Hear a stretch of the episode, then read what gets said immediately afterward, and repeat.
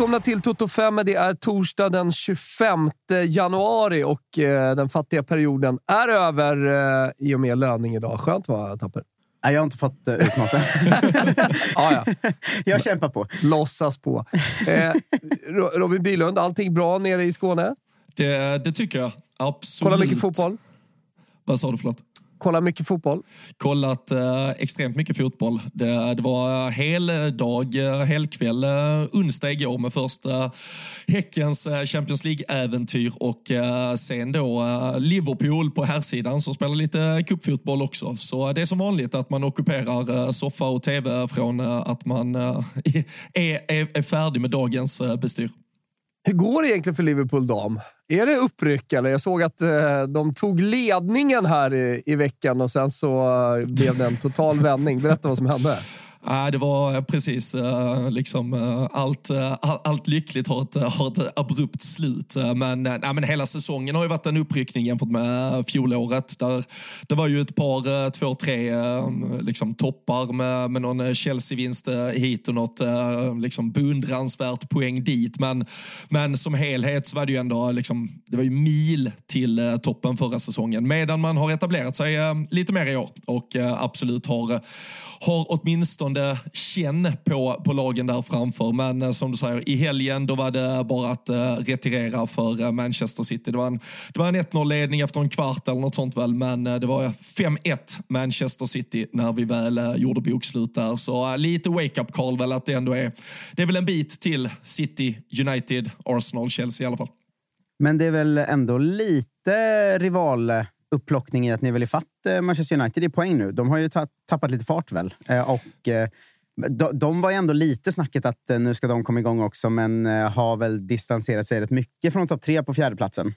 Nej men precis, som du säger, det, det är ju Liverpool, Tottenham och United nu som är något eget litet segment där på, på exakt samma poäng som du är inne på, 18 poäng allihopa, medan då Arsenal City jagar precis bakom Chelsea där, det är ju 28, 25, 25. Så vi, eh, vi som jag pratar, pratar om när jag pratar Liverpool, har ju eh, liksom ryckt upp oss medan, eh, precis som du är inne på, United, som kanske också, så här, jag ska inte säga att de överpresterat. Men jo, till viss del. De gjorde en jävla träffsäsong förra säsongen. Tappat ett par spelare sedan dess.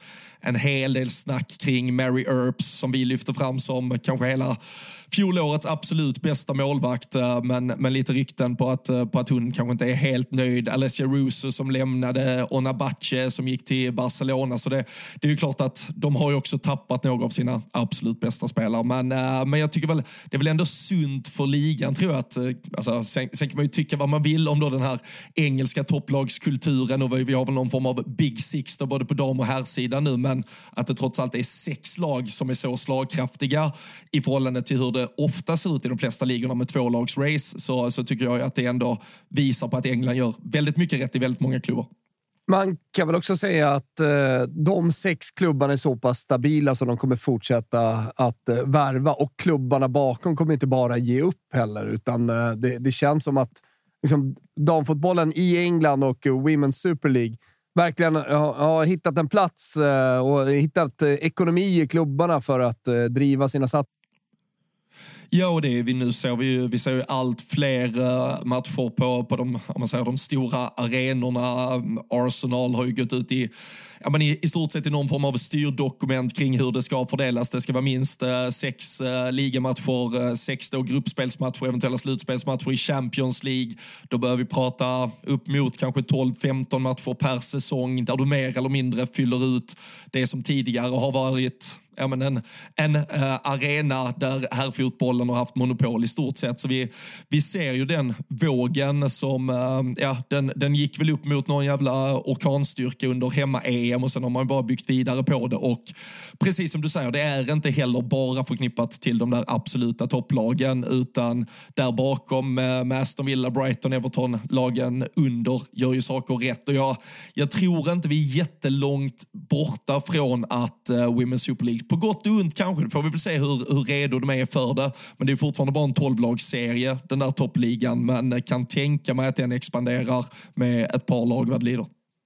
Men det känns ju som att det också, som ni säger, kommer redan nu sätta sig att de närmsta tio åren kommer det vara de här lagen som är topp sex och sen en säsong kanske Everton eller Aston Villa som du säger, sticker upp och kommer trea. Eh, sådär. Det kan ju alltid hända i fotboll, men det känns ju ändå som att en tydlig topp sexa redan så här två år efter att det verkligen börjar komma igång. så att säga. Ja, och det är, liksom, det, det är väl kanske en li, li, lite raljant ton att säga så, men jag, jag, jag, är helt med på hur du menar. Och det, det är ju klart att lagen där samtidigt så är det ju fortfarande så liten ekonomi. Det har vi pratat om på, med damallsvenska mått med att de lagen som faktiskt vill satsa lite, klubbarna där du gör rätt saker, där du är beredd att anställa rätt tränare, sätta sportsliga ledningar, ta några lite mer vågade beslut på spelarmarknaden. Det är ju fortfarande inte mil för ett lag som Brighton, Aston Villa och Everton att äta i kapp lite. Så nej, ja, vi, vi får väl se. Men ja, det är ju ändå upplagt för att lagen där bakom ska kunna jaga i kapp på ett helt annat sätt. Det är ändå stora klubbar också. Det är Aston Villa, Brighton, Everton, Leicester, West Ham och sen så har Bristol hittat in på sista platsen där. Men det har varit mycket kuppspel i veckan. Jag tänkte vi mm. liksom ska kasta oss in i det. Eh, Manchester United mötte City i ligacupen och tänker man Ja, vinnaren där går ju vidare, men så funkar det inte riktigt idag. Utan det är ett eh, tabellsystem i ligacupen eh, i, i Women's Super League, höll jag på att säga, men i, i England. Får jag ja, också väl... sticka in där att förra veckan så lät det ju som, lite på oss som att eh, Roma slog ut Napoli, men det är dubbelmöte även i italienska yeah, cupen.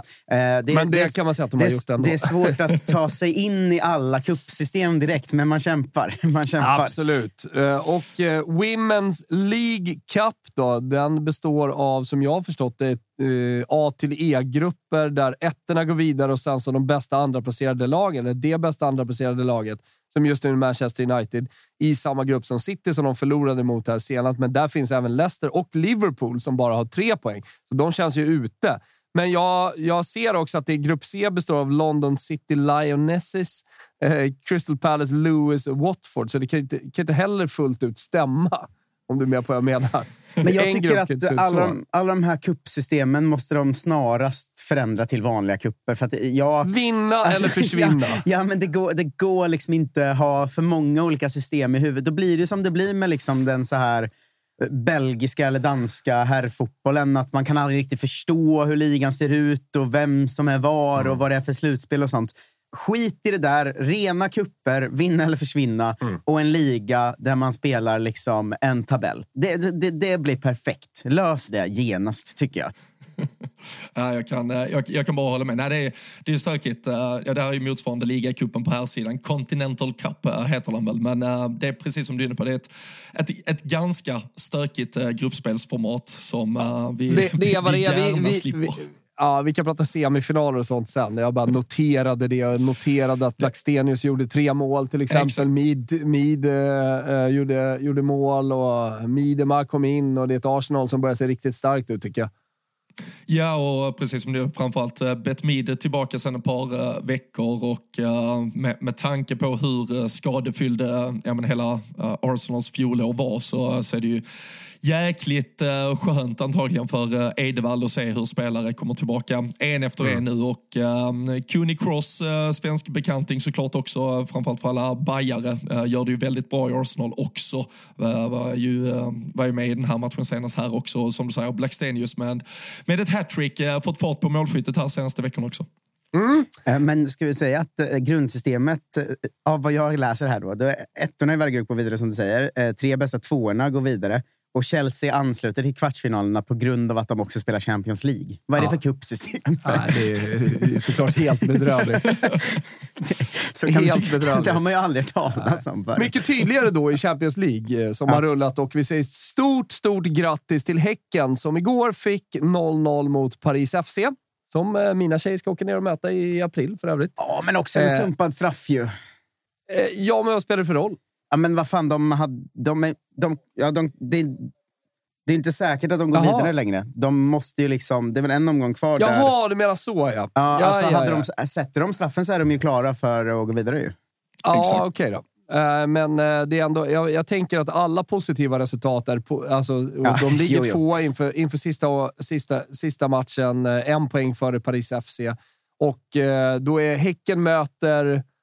Häcken har ju Real Madrid borta, Paris ja. har Chelsea hemma och på pappret så låter det ju som att uh, Häcken Två. på något sätt absolut ska kunna ja. hålla sig ja. Paris bakom sig. Problemet här nu är ju att Chelsea, eftersom de vann mot Real, är klara och eh, dessutom klara gruppettor till och med. Så de kan, mm. såvida de inte verkligen förlorar extremt stort mot Paris, vilket gör att Paris, Chelsea kanske inte har så jättemycket att spela för där och Paris skulle kunna rycka åt sig tre poäng. Häcken vinner inte mot Real så tappar man ju det här ja, men den platsen man ser ut att verkligen ha i box och precis som, eh, som tappar in på straffmissar, man, man missar mycket. Larry C spelar på topp, jag tycker inte hon får till det alls. Uh, Kafaji Ambegård, riktigt jävla bra, men uh, ja, Häcken var, jag, jag hörde lite intervjuer efter matchen, de försökte ju också lite sälja in det i SVT när de pratade med med att liksom en meriterande poäng mot ett Paris, men de var ju inte nöjda Häcken. De fattade ju att det här var ju ändå chansen att uh, kunna åka till, mm. till Madrid borta och vara lite turister. Det saknades ju inte chanser för Paris FC heller. Alltså, det ska ju gudarna veta. Nej, nej. Så att, eh, alltså, det, det, ja, straffen absolut, mm. men eh, kan ändå tycka att 0-0 var ett rättvit, ja, rättvist så, resultat. Ja, så det är alltid surt alltså, att missa straff såklart. Eh, det, det är det ju.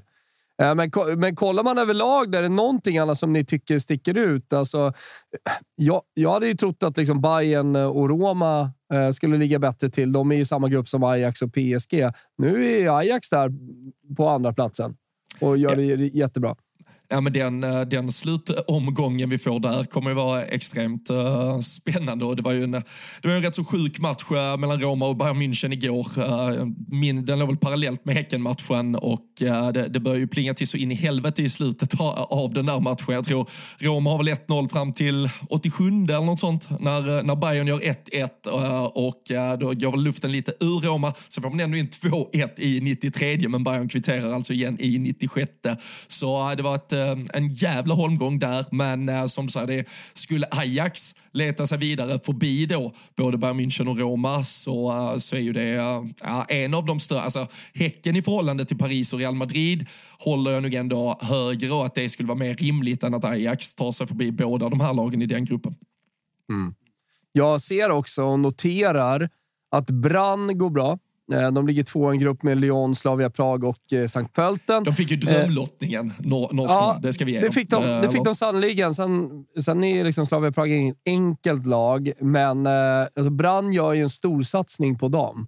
Har gjort det här och det, det, är det som nu ger resultat. Jag vet att de har börjat satsa väldigt mycket på sin akademi också och kommer säkerligen bli liksom ett norskt Eh, eh, Eh, eh, ett norskt storlag på damsidan eh, här framåt. För att ja, men det är mycket pengar och mycket resurser liksom som läggs in i ungdomsverksamheten också. Och prata lite. Det är en svensk där borta som, som jobbar med akademin. Träffades i Mallorca och mötte. Då slog vi dem, då, men, men det, det verkar vara på riktigt liksom, det som sker i brand. Det är lite kul. Men det är lite kul och lite tråkigt, för det är ju ständigt det här att eh, det är sport efter sport där Nor Norge bara ska springa om oss. Och jag, varje gång jag hör minsta lilla tecken på det så blir jag orolig ja, eh, och rädd. Liksom. Ja. Att när man var liten var det ju att så här, vi, vi är bra på allt, de har skidorna. Nu är det liksom, för varje år tar de ju en till grej ja. från oss. Och damfotbollen trodde jag ändå vi skulle få ha Ah, men det kommer vi, alltså, det kommer vi ha. Sen har Norge historiskt varit ganska bra, eller hur alltså, Robin? På, äh, ja, på, på, på landslagssidan får vi väl ändå ge dem att de uh, kanske till och med var före oss nästan tidigare. Ja, uh, exakt. vi, vi hade Pia Sundhage. Ja, vi, Vem fan hade ni? Vi har alltid 2003, va? Har ni något 2003 Norge? Nej. Tycker fortfarande så jävla mäktigt att Pia Sundhage lirade i Lazio på 80-talet. Är det så alltså? Det har jag fan ja, ja. ingen koll på. Jo, jo. Snyggt. Jitex, Lazio och så. Ja. Hon känns ju som att hon hade liksom en Strömbergskt eh, svensk version av italienskan. Va? Att den satte hon aldrig riktigt, eller? Nej, det gjorde hon sannolikt vill, vill, vill ni stanna kvar på Champions League? Vill ni gå vidare lite vad som har hänt eh, i, i världen? Vi eh, kan väl eh, ta oss ut i den uh, vida världen. Får jag, den stora världen. Får jag mm. kuppa instart här då? För vi ja. har ju väldigt eh, initierade och kunniga lyssnare. Eh, och en som hört av sig till mig nu då eh, och skrivit eh, “Tja! Kul att ni uppmärksammar den australiska ligan i Tutto 5. den australiska ligan är likadan som NWCSL i USA, att den är stängd. Och Sofie spelar ingen collegefotboll. Hon har spelat i A-League tidigare, men spelar nu i Queensland National Premier League, som är ligan under, men som också är stängd och man spelar bara i sin delstat. Så vi har det klargjort. Eh, var tvungen att dubbelkolla eh, att de skulle möta Brisbane Roars också. Eh, det skulle de. De är nya. Det var därför jag reagerade. Eh, Eastern vann slutspelet förra säsongen, så Sofie är regerande mästarinna i Australien. Det var ändå en bra uppdatering. Fast i andra ligan. I andra ligan. I den stängda andra ligan. så ni kommer inte ge henne ett första ligakontrakt automatiskt. Då. De går inte upp någonstans. Nej, nej. utan de spelar regionalt i Queensland. Ja, ja. Mäktiga Queensland. Eh, Sen har vi en liten update på den fotbollen jag sa. Jag, frågade, jag tassade på, ska den in här? Och ni var tydliga med att nej, det ska den inte. Men vi ska ändå säga att Emelie Helmvall eh, gjorde två mål eh, till, eh, eller fy, fyra mål totalt den här veckan har gjort för PAOK då i Grekland. Så att vi, eh, vi håller ett öga dit. Ja, men ögat håller vi helt klart. Och eh, jag skulle, eh, på tal om det då, svenskar som är ute i vida världen och spelar fotboll, så har det ju varit några svenska spelare på tapeten och vi har pratat om dem här i Toto 5 också. Eh, spelare som har gått från allsvenskan. Winberg såg jag hoppar in här i veckan för Spurs, gjorde sin eh, tävlingsdebut.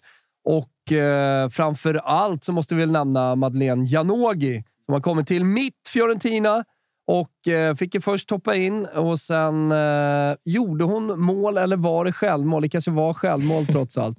Men det small i alla fall mot eh, Pomigliano. Doppietta in eh, med 20-30 minuter kvar och eh, såg otroligt bra ut.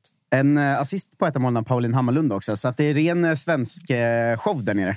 Exakt. Alla tre svenskar, Karin Lundin, Hammarlund och eh, Madde Janogy började på bänken och sen så fick de hoppa in tillsammans lite grann och eh, såg ju till att vinna ganska, ganska lurig match mot eh, Pomigliano som på pappret, eller när man bara läser namnet, eh, man tänker att det är ett jävla skitlag, vilket de inte är. Utan eh, ja, men, ganska decent lag och hade ju liksom lägen i den här matchen också när det stod och vägde lite. Men eh, Janogy såg till att eh, kliva in och, och, och lösa segern till Fiorentina. Och ena målet där är lite veckans mål, eller vad det blev utnämnt till, eh, där hon får bollen från Hammarlund och eh, hon tar emot den med vänstern och sen så bara liksom drar in en stolpe in ganska högt också i bortre med vänsterfoten. Så här klassiskt, eller klassiskt, men ett liksom Madde Janogy-mål.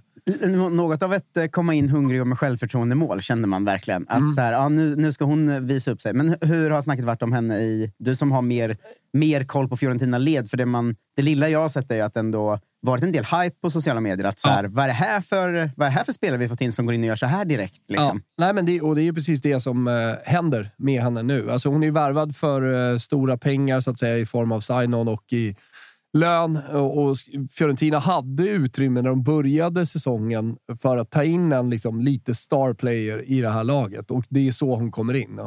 Att- vara ja, men stjärnan som eh, avgör matcher och att hon eh, knappt har hunnit landa i Florens och redan gör det, det, det är ju väldigt positivt såklart.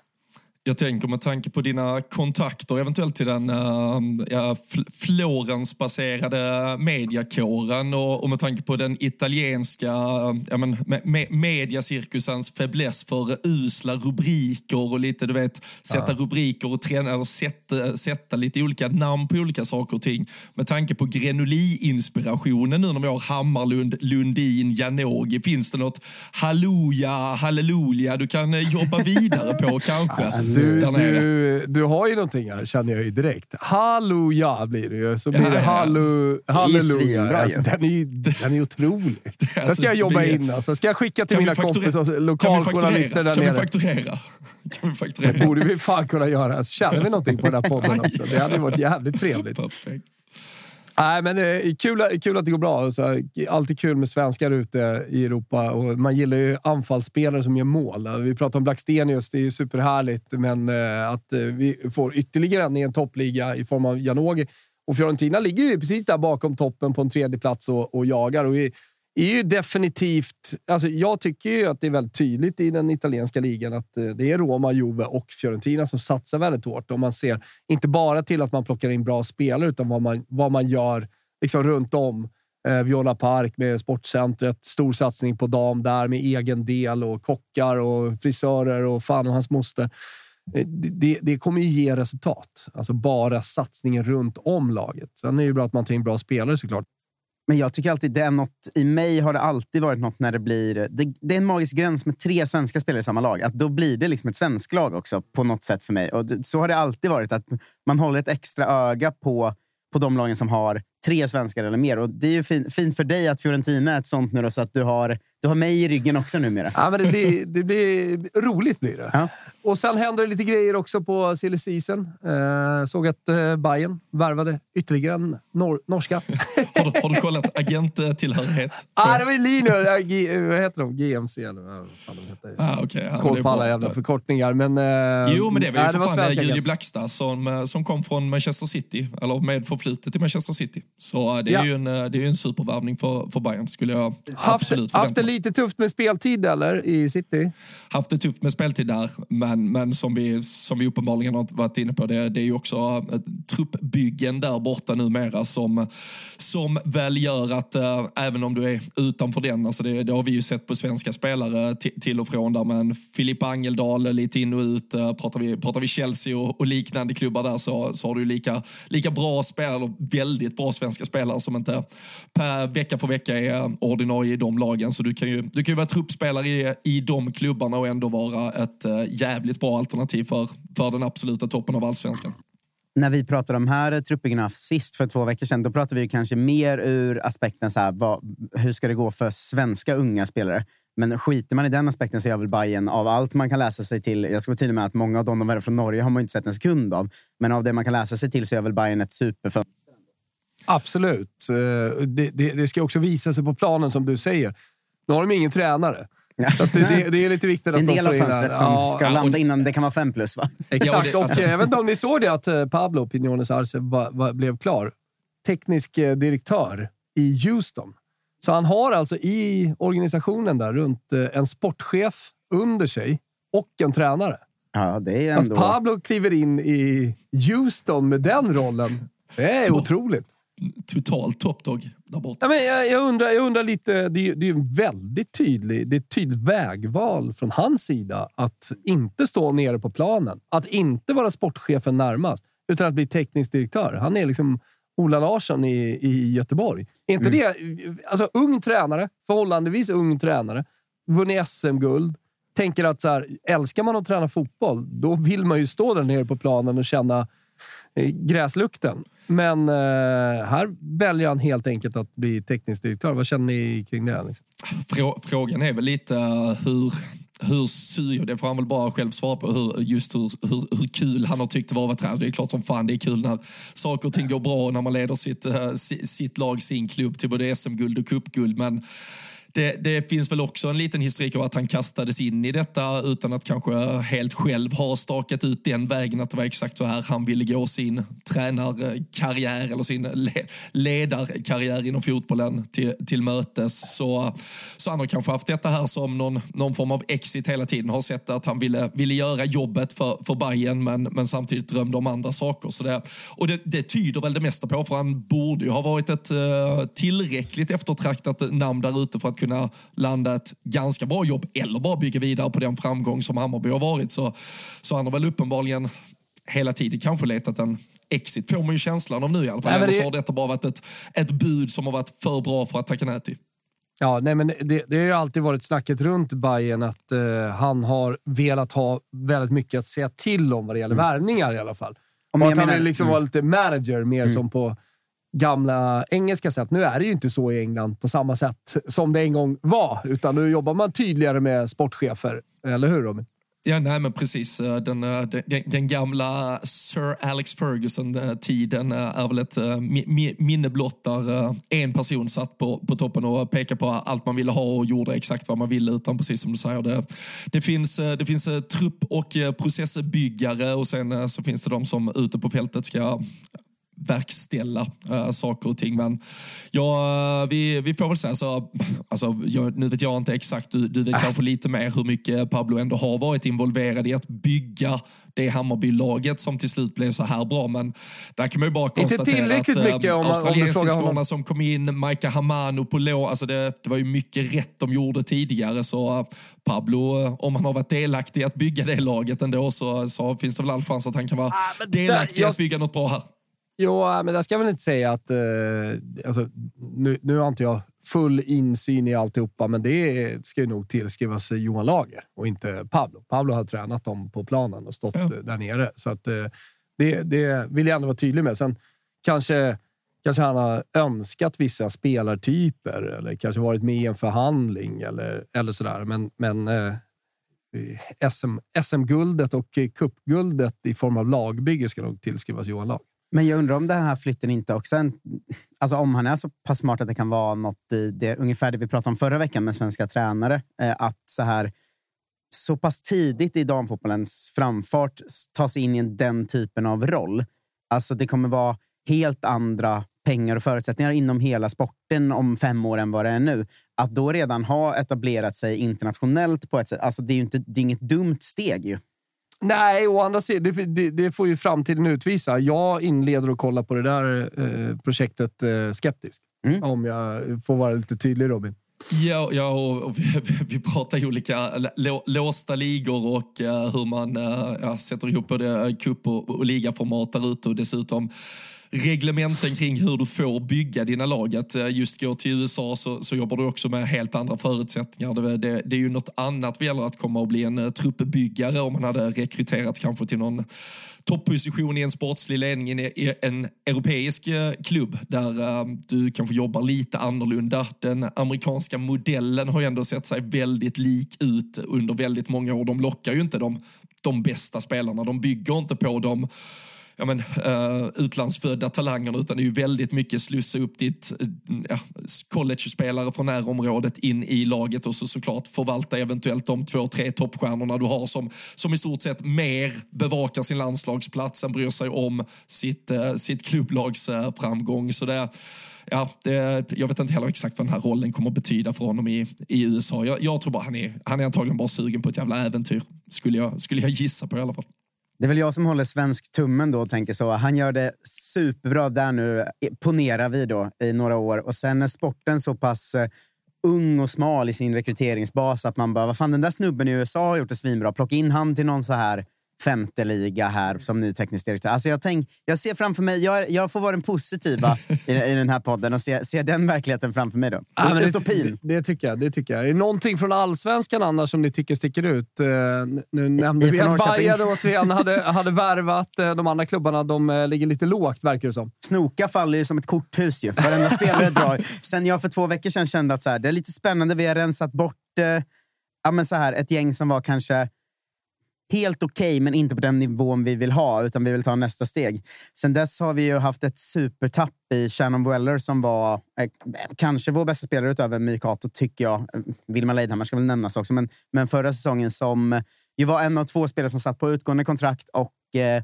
det varit eh, tydligt från klubb nu att hon har fått bättre anbud från annat håll och det är svårt för oss att göra någonting, så hon, hon drar väl. Eh, och det, det, har inte kommit in något och det börjar ändå bli lite... Det ska in sex spelare till det börjar ändå bli lite så. Hallå? Eh, ska, vi, ska vi ta tag i det här snart? Eller? Eh, ja, var det ett, eh, säsongen är igång också och snart ska det åkas på försäsongsläger och då vill ju tränare gärna ha hyfsat intakta trupper. Ja, exakt. Sen så lyckades vi förlänga Victoria Weber med fyraårskontrakt och det är en av våra unga egna talanger från stan. Och som vi har pratat om här också, ett fyraårskontrakt är inte så vanligt på de unga talangerna i, i svensk damfotboll. Så det gjorde mig faktiskt faktiskt väldigt glad. Eh, annars, är, annars är vi lite, lite stiltiga där, men ni vet den här man, man vet att vi håller på att bygga om, men man har sett så här, nu är det sju spelare out och typ en spelare in. Att man börjar känna lite, lite så Fan, det här måste landa. Jobba. Det måste landa mycket grejer nu. Ja, men att, du eh, sitter i Totosvenskan och liksom pratar om uh, trupperna. Det, hade det här varit ett herrlag, då hade du varit direkt orolig. Va? Då hade ni ja, sågat jag, en del. Ja, men jag, som du hör är jag direkt orolig. Ja. Och sen har, så har vi lite folk på provspel och sådär. Men det, det är någon amerikan som gjort liksom tre mål i isländska ligan. Vad fan är det för skit? Liksom? ja, du får alltså, fråga Ingo. ja, ja, men, eh, ni vet, man, man börjar oroa sig och man börjar känna att så här, vi har varit på rätt, rätt spår så länge och jag tror att det är en rätt eh, tanke det här med att så här, de här spelarna, många av de här spelarna är tillräckligt bra för att komma tia, men inte bättre. Det, då ser jag att det är en rätt tanke att göra sig av med sånt och ta in bättre. Att vi ska liksom för varje år gå framåt. Men jag undrar om man kanske överskattat sin eh, ni vet, lockelse och hur mycket pengar man har och allt det där. Att man kanske tänkt att ja, men de här sex nya spelarna kommer landa hur lätt som helst. Men sen börjar man märka att så här, det är fan rätt svårt att hitta dem nu. Och nu har vi redan gjort oss av med Lovisa Gustafsson och den här och den här. Och den. Alltså, jag, jag känner att det är, lite, det är lite rörigt läge just nu. Sen får man se hur det ser ut. Om, om det kommer fem värvningar på två veckor nu så kan det se skitbra ut. Men, men det, IFK Norrköping är osäkert läge nu för er ett som lag... är intresserade av mitt, mitt supporterskap. Nej, men ett lag som verkligen har gått i bräschen och värvat mycket som vi inte har pratat så mycket om i AIK.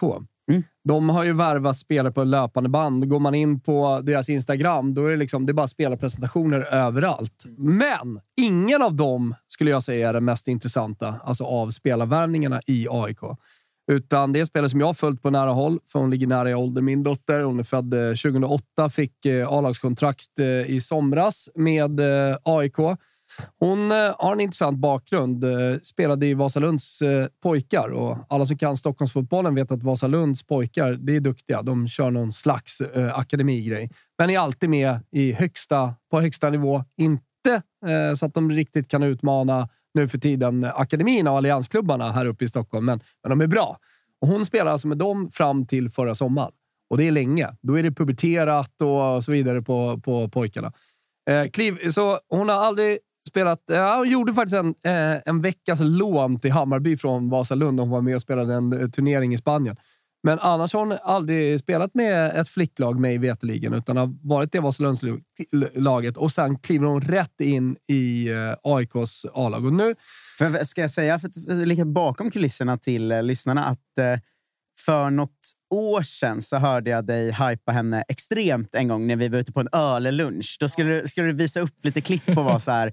Eh, alltså, och hon såg helt otroligt bra ut. Så, att, så att, eh, jag, har, jag, har lite, jag är med på den här hypen bara därifrån. Då. En lunch på någon, någon eh, italiensk restaurang i Stockholm. Nu vet jag inte vilket, eh, vilken nivå laget de mötte håller. Eh, Femarguin Gran Canaria. För de eh, befinner sig just nu på försäsongsläger AIK i Gran Canaria. Hur ser, på, på Gran Canaria blir det. Hur ser flickfotbollen ut på Gran Canaria? Där har, där, alltså, du har ju Kviborgs eh, Las Palmas. Ju. ja.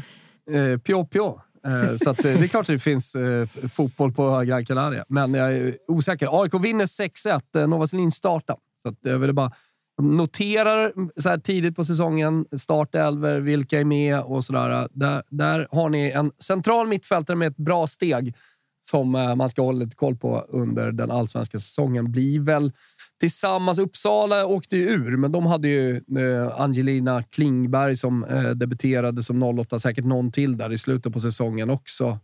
Men det, det, de är de yngsta, liksom 08 På 09 har vi inte riktigt... Det är ju när henne följer vi i Malmö. Hon kommer ju spela i elitettan såklart den här säsongen. Men i allsvenskan så är det nog det yngsta vi har i Nova Selin som liksom, eh, kommer, kommer starta. Känns det inte lite ovisst eh, inför... Om, det blir ofta att man pratar om liksom vilka lag som kommer... Hur kommer det gå för Hammarby och Häcken? Så här. Men jag tycker att om man säger under halvan, eller vad man ska säga. Det finns ju, förra året var det ett superglapp mellan lag 6 och lag 7, eller vad det nu var där.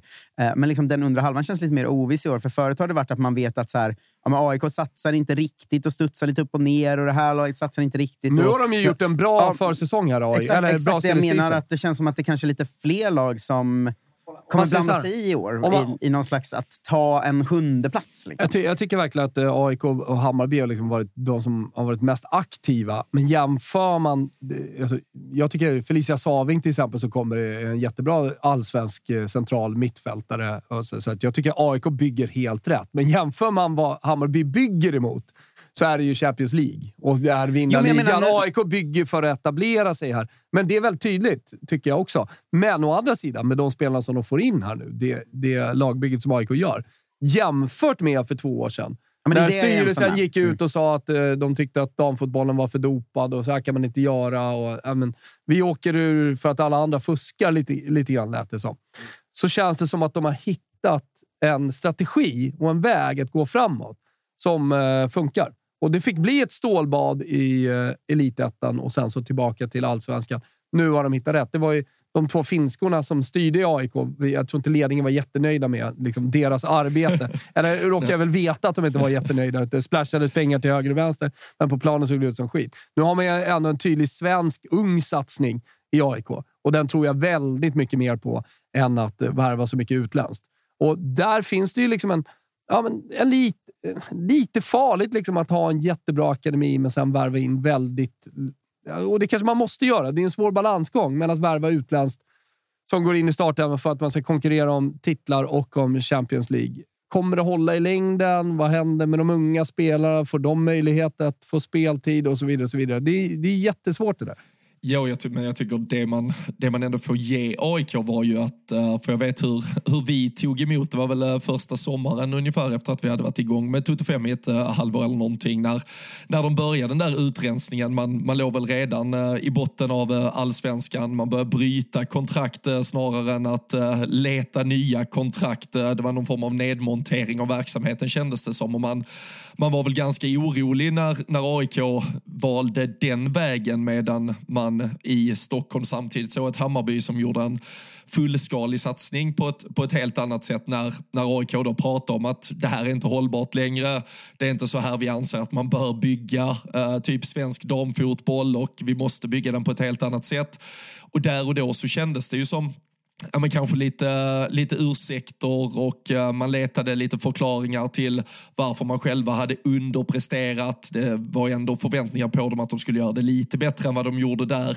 Och, eh, men nu då med facit i hand så, så får man ju faktiskt ändå ge dem att det där eh, klivet ner i elitettan, den nya satsningen, det nya omtaget och hur man nu ser ut att försöka skapa det nya AIK, om vi pratar i de termerna, faktiskt ändå går i linje med, med det man pratade om då. Så, så det får man ju faktiskt ge dem. Då kan vi räkna in som sagt, eller vi kan ju lägga till att en spelare som Matilda Nildén som får ett eh, supergenombrott i elitettan, nu tar hon klivet till Häcken. Det är ju en spelare man annars hade kunnat bygga vidare på här. Så det, jag tycker ändå vi får ge AIK att de har gjort väldigt mycket rätt så här långt. Sen tror inte jag på något sätt att i alla fall som truppen ser ut nu att det är något som, som redan här kommer vara slagkraftigt i damallsvenskan. Den här första säsongen kommer att handla om att etablera... Eller, Å andra alltså, sidan, får Grabus vara frisk, då är det ju 28 pizzor i damallsvenskan också. Men jag tror att, Herregud vad bra han är! Är inte de lite samma som eh, vi var förra året? Att man kanske underskattar lite vilket jävla steg det är upp i damallsvenskan också. Att man, man kommer med ett starkt lag från elitettan och tänker att så här, men det är klart, första säsongen kommer vi väl fyra och sen, alltså sådär, och sen blir det ett sånt jävla steg. Men det, det jag menar är att övre halvan och undre halvan, alltså sjunde åttonde plats, däremellan skiljer det 20 poäng förra säsongen. Och kollar man där under på de, Växjö, Norrköping, Örebro, Djurgården, AIK, vad det nu blir. Jag menar att jag tycker det är lite... Jag tycker det kommer vara, känns som en lite oviss säsong där. Vilka, vilka åtta och vilka tolva liksom. Mm. Men, men så, samtidigt... är det, så är det nästan alltid. Vi brukar kunna se vilka som är 13 och 14. Sen tycker jag fan 12 till 8, samma sätt eh, fan 6 eh, till 61 eh, kan ju vara liksom. Piteå fick träff förra säsongen. Man visste inte riktigt vad man hade Linköping. Rosengård underpresterar. Nästa lag som får träff, då går de och vinner ja, men, istället. Men då får vi, det är klart Trellehulla får det tufft i damallsvenskan ja, men vi får ju fråga nu. Det, det, enligt... jag, jag är satt dem på bottenplatsen redan innan det börjat. BP kommer få det svårt också. Men däremot så ser du ser ju både Växjö, IFK Norrköping, hur, hur, hur de lyckas ändå stabilt och tryggt och lugnt eh, lösa kontrakten långt innan sista omgången. Alltså, så är definitivt AIK ta upp kampen med IFK Norrköping och, och Växjö. Sen kanske det blir tufft ovanför. Sen men är alltid ändå... lite såhär Piteå, Vittsjö, vad händer där? Ja. Rosengård. Eh, men jag, jag, vill ändå fråga... Ja, Rosengård har mycket klass alltså. Enligt eh, Robins utläggning nu så finns det tre platser du vet. Det är plats 7, 13 och 14. Vilka blir plats 7, 13 och 14 då? Uh, uh, jag tror att uh, BP blir 14, jag tror att Trelleborg blir 13 och jag tror att Piteå blir 7. Ja, kan ja, vi klippa då... ut och komma ihåg? Ja, men då, då, då vill jag kontra på det. Jag fick inte bara sitta och lyssna. Trellehulla absolut sist och sen så har du BP på 13 plats och sen så har du AIK på sjunde platsen. Nej, okej. Okay. Piteå alltså, Piteå före AIK. Ska vi ta ett litet bett kanske? Eh, ja, det kan vi göra. Ska vi ta en öllunch som även Tapper får hänga med på? Absolut. Det Fan, kan vilken win-win för Tapper! Sitta där och bara åka med. Fan vad mysigt. Men det är du värd Tapper. Ja, vi tar näven på det bettet. Oavsett vem som vinner så åker du med. Exakt. Men uh, Robin säger alltså, att det är du kommer före AIK. Det, det, vänta, här är viktigt att säga att det är du som har oddsen med dig. Alltså, det, det, är låga odds att de kommer fram, så det är jag som sticker ut hakan här. Okay, det, är jag, det, det är jag som bjuder Tapper helt enkelt. Det är lite 2-1 odds. Eh, Piteå är ju ändå fyra poäng från Europaplats förra säsongen och kommer, kommer fyra. Så att Ja. det är klart att eh, Thomas, är- Thomas hakar långt ute här, tycker man. Ja, men, det- alltså, ska vi bara fortsätta med att spekulera i januari när det är långt kvar och det ska värvas så är ju Hammarby-Häcken tycker jag tydliga etta, tvåa som slåss om SM-guldet. det är väl klart Eh, redan? Eller? Ja, men alltså typ. Sen Linköping precis där bakom. eh, Faller som och korthus nu. Nej, Linköping och Rosengård tror jag kommer, kommer köpa. Sen tror jag att det finns möjligheter för något lag att verkligen satsa sig till att ligga precis där bakom på femte plats och så, och så vidare. Så det ska bli intressant att se lite vad som händer. Men det är att det skilde så jävla mycket förra säsongen så att det ska mycket som ska träffa rätt Klart, samtidigt som... Kristianstad i det här Vittsjö har gjort Ja, men det det är bra. mycket som ska småträffa... Eller det är väldigt mycket som ska gå fel i Vittsjö, Kristianstad eller så för att eh, eh, Växjö eller IFK Norrköping eller AIK med, ska med det, med det säsong, sagt, alltså med Hammarby-Häcken som kommer ha ett försprång vidare. Linköping precis bakom, men alltså det skulle inte förvåna mig om Malmö FF eh, liksom krigar om tredjeplatsen redan år ett i allsvenskan. Nu går vi händelserna väldigt mycket i förväg, men eh, det gör jag gärna. Nu, nu ska vi tippa allsvenskan 2025 här. Ja, vilka kommer sjua, Robin? Det är, väl, det är Piteå då också antagligen. Nej, men jag, Uppsala kommer sist. alltså, jag, jag skulle här, här och nu idag, sen eh, kan väl eh, jävligt mycket hända med spelare in och ut, men eh, jag, jag håller nog Häcken som uh, ganska tydliga favoriter uh, de, den här säsongen i alla fall. Jag, Hammarby, alltså vi måste komma ihåg vi pratar om bra spelare in, men det är ändå en Ja, men I stort sett ett centralt mittfält eller någon form av centrallinje med eh, Cooney Cross, Maika Hamano och Winberg. Man har tappat Janogy borta, så det är fyra av allsvenskans typ fem bästa spelare förra säsongen de, de tappar. Och eh, hur mycket kvalitet den är, men med en ny eh, tränare dessutom och eh, man ska sätta ett mer eller mindre helt Ja, nytt på- lag. Okej, två saker där då. Eh, Jag kan ju redan nu också singla ut eh, allsvensk skyttekung 2024 i damallsvenskan. Skador emot såklart, men annars är det redan klart. Ellen. Wangerheim. Ellen Wangerheim. Ja, Det kommer, det, Otroligt. det kommer det inte. Otrolig. Va? Nej, nej. Det, det, det, vill Alltså, du, du är med på... Du, du, du, är, du, du tror inte att det kommer hända? Nej, inte att hon vinner skytteligan. Sen kommer hon väl... eh, Alltså vad gjorde hon? eh, Pratar vi Hon ens gör tre alltså, hon kommer tillbaka... Lyssna, lyssna, hon kommer tillbaka från skada. Hon är alltså född 04. Så det, hon är purung fortfarande. Hon kommer tillbaka från korsbandsskada ett år. Spelar 14 matcher i allsvenskan. Gör nio mål, två ass. Och kolla på henne när hon spelar. Det är, jag, jag, hon går om Blackstenius i landslaget för mig nästa år. Det är på den nivån. Och det är inga, alltså det är inga, det, folk kan tycka att det är stora ord, men, men det är så bra hon är. Hon är, hon är ett fenomen. Alltså. Ja, men ibland måste Stor, man få lägga stark, ribban bra högt. felvänd, bra avslut med båda fötterna, snabb i djupled. Äh, det är, ja, som sagt, vad vann man eh, da, eh, skytteligan på, Robin, förra säsongen, skulle du säga? Ja, vad, sk- vad kan det ha varit? 24 mål kanske? Nej, det var lågt. Det var 19. Var det det? Var det så lågt? Ja, Ja. Tandberg i Ja. Linköping som eh, gör 19 mål. Så att, eh, ja, ge henne, ge henne 14 matcher till så ligger hon på 18. Så jävla mörkt att bättre. Linköping har alltså delad första De- plats mellan Capox och Tandberg och sen De har väl delad tre andra plats också. Ja, på, exakt, på uh, Momiki. Eh, det är ju eh, det är mörkrets hjärta. Ju. Men ska ni inte köra någon skytteliga bett där vinnaren eh, eller förloraren köper en resa till oss andra två? Eller något sånt också? Tapper är finansierad för hela året nu efter att vi...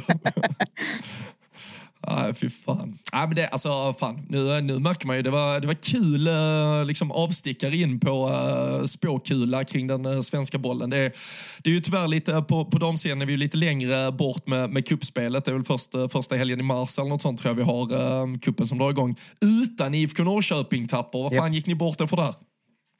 Eh, ja, det, det var ju den där delen av säsongen. Alltså, vår säsong förra året var ju så konstig. Ni minns, ni minns där i början att... 10 av ganska 12 starkt. poäng. Första Ja, fyra. gick starkt första fyra för vi mötte de andra. Liksom, de andra löste, det, var, det är lätt att lösa kontraktet damallsvenskan. matcher, Alltså, så fyra matcher, sen så vet att det är två lag som kommer gå åt helvete. Eh, men sen så hade vi ju... eh, Jag tror det var fem matcher i rad mot så här, Häcken, Linköping, Hammarby, Häcken, Linköping. Typ. Alltså det var typ så. Och vi förlorade ju alla dem med uddamålet. Jag vet. Ju. Eh, Så vilket, gjorde och det gjorde bra. supermatcher egentligen. Att Ja. vi liksom... Vi liksom verkligen utmanade och förlorade alla med uddamålet. Och då kände man ju så här, det här är ju lugnt. Vi kommer ju typ femma. Alltså, hur fan kan vi vara så här bra redan? Och sen efter de fem förlusterna så hade det satt sig någon slags förlusthjärna bara hos spelarna som det kan bli ibland. Liksom. Och efter det gick vi ju så sanslöst svagt en period. Det var ju verkligen så här... Ja, det slutar med att vi gör 26 mål på hela säsongen trots att vi gör rätt mycket första matcherna. eh, alltså ett mål per match i snitt. Det är ju bedrövligt. Liksom. Eh, vi släpper i och för sig bara in 33 också på hela säsongen. Så, att, så det, är ju, det är ju ganska bra siffror andra sidan. Men det blev ju så uddlöst. Och, det var ett sånt lag... Man kan ju ibland se fotbollslag där man ser att ert problem är ju självförtroende bara. Alltså det, det, det är ju det efter fem förluster. Och, och det var ju där i den perioden sen den Svenska cupen-kvalet kommer. Och, eh, alltså vi slarvade bort så mycket. Sen så, det, det skulle ju vara en så etablerad säsong och vi etablerade oss. Så på ett sätt gick det som, som man ville. Men men det var mycket av säsongen som försvann där också. Det ska bli intressant att se hur Kristianstad ska klara sig. Det har vi fått eh, tecken på redan kanske, skulle man kunna säga. Men utan eh, Evelyn Vienne. Hon gör alltså säsongen 22, eh, 21 plus 9. Beskedliga. Och sen 12 plus 5 innan hon säljs till Roma. Det har gått bra i Roma nu också. Mm. Eh, gör, gör, gör, mål där. Det, det, är en, det är ett tufft tapp eh, som kommer fortsätta kännas. För att det, de hittar ingen ny Evelyn Vienne, oavsett hur mycket de söker och hur mycket pengar men jag ska säga att det är ihopknytning av avsnittet ju på ett sätt. För att det är ju eh, formtoppade, stolta Gnaget som slår ut oss ur Svenska cupen-kvalet. Såja! eh, så att de kom ju från en superperiod i elitettan och vi från en mardrömsperiod i allsvenskan. Och det är klart att då, då kan det absolut hända.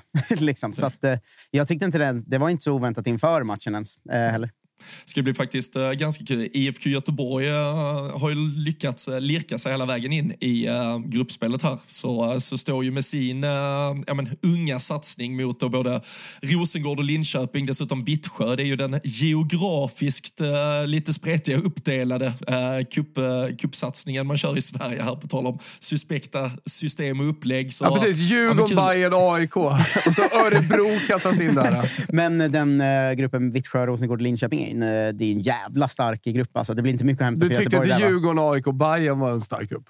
Djurgården och AIK är ju klart sämre än alla de tre, tre lagen vi nämnde ja, men, i andra grupp. Ja, men jag tror vi hade en ännu sjukare för, för då tror jag vi hade Rosengård, Kristianstad och Häcken i samma grupp som hade kommit etta, tvåa, trea året innan. Och sen har man ja, menar... grupp fyra med Piteå, Umeå, Uppsala och BP som är liksom norra stad, norr om Stockholm uppåt. Där man bara vet... Norr om Stockholm, vilken jävla skarv för, eh, för uh, västerortslaget BP ändå. Ja, ja, men det får de ta. vad fan, de, de, får, de får ta det för oss som inte är från Stockholm så känns det lite norr. Ja, borde inte egentligen, uh, vilka, borde, borde inte AIK vara där istället för uh, Bromma i så fall? Jo, det, det kan man ju tycka. Om man ska prata geografi i alla fall så, så borde ja. de kanske vara där. Jag, jag hade inte haft någonting emot det, för det blir tufft här nu. Men det är klart att det kan ske en smäll där, att det blir Ja, men AIK får tidigt träff på säsongen. De har redan varit på sitt försäsongsläger. Och, ja, men, alltså, Djurgården är inget dåligt lag. Det är inte givet liksom att Hammarby bara går och vinner där med så många nya spelare som ska spelas ihop. Och de har ingen tränare! Men vad tror vi om Djurgården inför säsongen då? För de var ju rätt svajiga förra året. Framförallt så... Jag säger det nu, Bayern går in, vinner inte den gruppen. Men alltså, jag menar mer allmänt inför säsongen. Vad är känslan kring Djurgården hos er? För att de, deras defensiv och eh, kanske Hedvigs lilla period där och sånt. Det var ju, jag har lite problem med sportslig ledning där, så ja, jag tror ju aldrig in... på Djurgården så länge det är kvar. Ja, men de släppte vi... in mycket mål förra säsongen och var ju jävligt svajiga. Liksom. Kan vi inte ringa eh, Papi Fernandes nästa vecka istället och kolla läget? Alltså Papi Fernandes tror jag jättemycket på såklart. Det är fan, god vän och allting sånt där. Men äh, prata lite med äh, Winberg som Ny var här. tränare i Djurgården ska vi säga då. Ja, Marcelo ja, ja. sen i somras. Men de sparkade ju tränaren. Det gick ju inte alls bra där innan. Men prata lite om, om deras damsatsning igår innan Toto-svenskan. De har gjort sig av med lite spelare som blev... Ja, men, jag, jag tror att det var bra i slutändan, eh, men det var ändå så här Djurgård, djurgårdare som eh, kastade ut hjärtat på planen och spelade för, för klubben. Men där, allting, allting handlar ju om hur, vad de får upp för trupp. Eh, och som jag sa, det är liksom ovanför laget, tränare och sånt där. Där litar jag inte jättemycket på Djurgården nu har vi, nu, jag, jag känner liksom inte till tillräckligt med detaljer i just Djurgårdsfallet, men precis som du säger, det var ju två, tre spelare som man ja, får inte förnyat kontrakt eller menar lite på att man inte trivs och tycker att man är lite felaktigt behandlad. Vi, jag tror vi har lite en sån period, vi kanske har haft det de senaste två åren, vi kanske har det ett eller två år till just där clashen mellan spelare som har varit med om och jag ska försöka att liksom inte trampa någon på tå, men den gamla damfotbollen och det som kanske ska vara den nya damfotbollen och med satsningar där man inte riktigt är van vid miljöer som är ja, men, elitsatsande inom citationstecken på, på ett sätt som vi nog kommer att se framåt. Så jag tror det kommer ändå vara lite så här clash mellan några gamla klubbprofiler på vissa håll där sportslig ledning som sätts in vill bygga nytt. Och det, det är väl ganska sunt ändå att det blir några sådana här eh, kollisioner längs vägen. Sen eh, som sagt, de specifika fallen och just i Djurgårdens fall har jag inte, jag har inte full insyn i exakt där och vem som kan få ha rätt eller fel och vad man egentligen borde ha gjort. Men jag tror ändå vi kommer se det på en del håll där spelare som har varit med länge anser att så här ska vi göra och det borde vara på det här sättet medan många nytänkare som kommer in ser att eh, damfotbollen är på väg någon annanstans. Eh, annanstans det där blir ju en clash med, med supportrar också. för att eh, Det var ju hos oss nu. Lovisa Gustafsson som man bröt med för att man inte kände att hon höll riktigt var ju stor supporterfavorit och eh, första damspelaren som fick en ramsa i IFK Norrköping led. Och liksom, när de bröt med henne då var det ju... Jag såg ändå mycket supportrar som blev liksom hjärtekrossade av att det här är ju våran favoritspelare. Liksom. Eh, och samtidigt har det då kommit in en, ja, men en sportslig ledning som känner mer att nej, vi ska åt ett annat håll nu hon har gjort så jävla mycket för den här klubben, men hon håller inte riktigt längre. Eh, och Sen landade hon ett nice Spanien-kontrakt, så det blev väl bra för henne ändå. Liksom. Eh, men, men det är klart att det där kommer clasha lite för att eh, jag tror också att det finns många herrsupportrar som har börjat gå på en fem kul dammatcher per säsong som inte riktigt har satt sig in i, i lagen och så än. Då är det ju väldigt tydligt att man bara, jag har mina tre favoritspelare, jag vet inte så mycket mer än så, jag tycker det är kul att stå på läktaren. Eh, och då clashar det ju ganska mycket med att, vänta nu, de här tre fanbärarna, varför försvinner de? Så det, det, kommer väl bli rätt mycket sådana clashar mellan sportslig ledning, supportrar och spelare i damallsvenskan eh, i framtiden tror jag. Ja, samtidigt som eh, allting blir mer organiserat. Eh, låt mig säga mer professionellt också. Kanske slarvigt, men, men, men på ett sätt. Och där det handlar om resultat i, i slutändan. Och då kanske liksom, trotjänare i damfotbollen som har varit i en klubb i fyra, fem år, ja, det, det, det kanske inte betyder lika mycket när, när, man går framåt. För att man känner att man bygger starkare lag om man gör sig av med de spelarna. Men jag kommer alltid ha Lovisa Gustafsson som jobbade i hamnen samtidigt som hon spelade för IFK Norrköping i mitt, eh, mitt hjärta. Det är ju ett väldigt så... Det, man kan ju romantisera det hur mycket som helst. Jag kan sitta en hel kväll och prata om att fatta att vi har en fotbollsspelare som representerar oss som också jobbar i hamnen. Det är så jävla liksom, arbetarstad-fint att... Uh, ja, ja, hjärtat bultar ju för det såklart. Så att Lovisa Gustafsson har alltid en plats du får Lovisa Gustafsson att framstå som någon av typ eh, Göteborgsspelarna på här sidan under 80-talet när de gick från varvet och spelade Uefa Cup-kvartsfinaler på kvällen. Men det är ju det som var hennes eh, ramsa också. Att det, det, var ju någon som hittat så här. I den låten sjunger de eh, “Working in the docks”. Så att det blev ju en “Åh, hon jobbar i hamnen”. Wow! Lovisa är namnet. Åh, hon lastar och lossar. Åh, det där är ju för fan Bon Jovi du är inne på nu. Ja, du, det är också en stor sorg för att du inte får sjunga ramsan. Ja, ja, verkligen. Ja, lastar och lossar, motståndet krossar, ja, jobbar i hamnen, jobbar i hamnen. Lovisa är namnet. Ja, det är klart att det är bra. Vad säger du Robin? Nej, jag, jag, ja, jag, jag, är tagen. Jag är tagen av sången. Jag kan inte. Jag behöver hämta mig. vi är snart uppe i timmen hörni. Fan vad mysigt det är att göra Toto 5. Berätta att vi är igång för alla. Trots att det inte är någon fotboll där ute så är Toto 5 här och kommer vara med eh, genom hela året. Eh, vi hörs igen om ungefär en vecka. Får vi se om det blir tisdag, onsdag. Kanske. Eller hur? Så är det. Yes. Vi, vi Ciao Tutti. Ciao Tutti. Hej.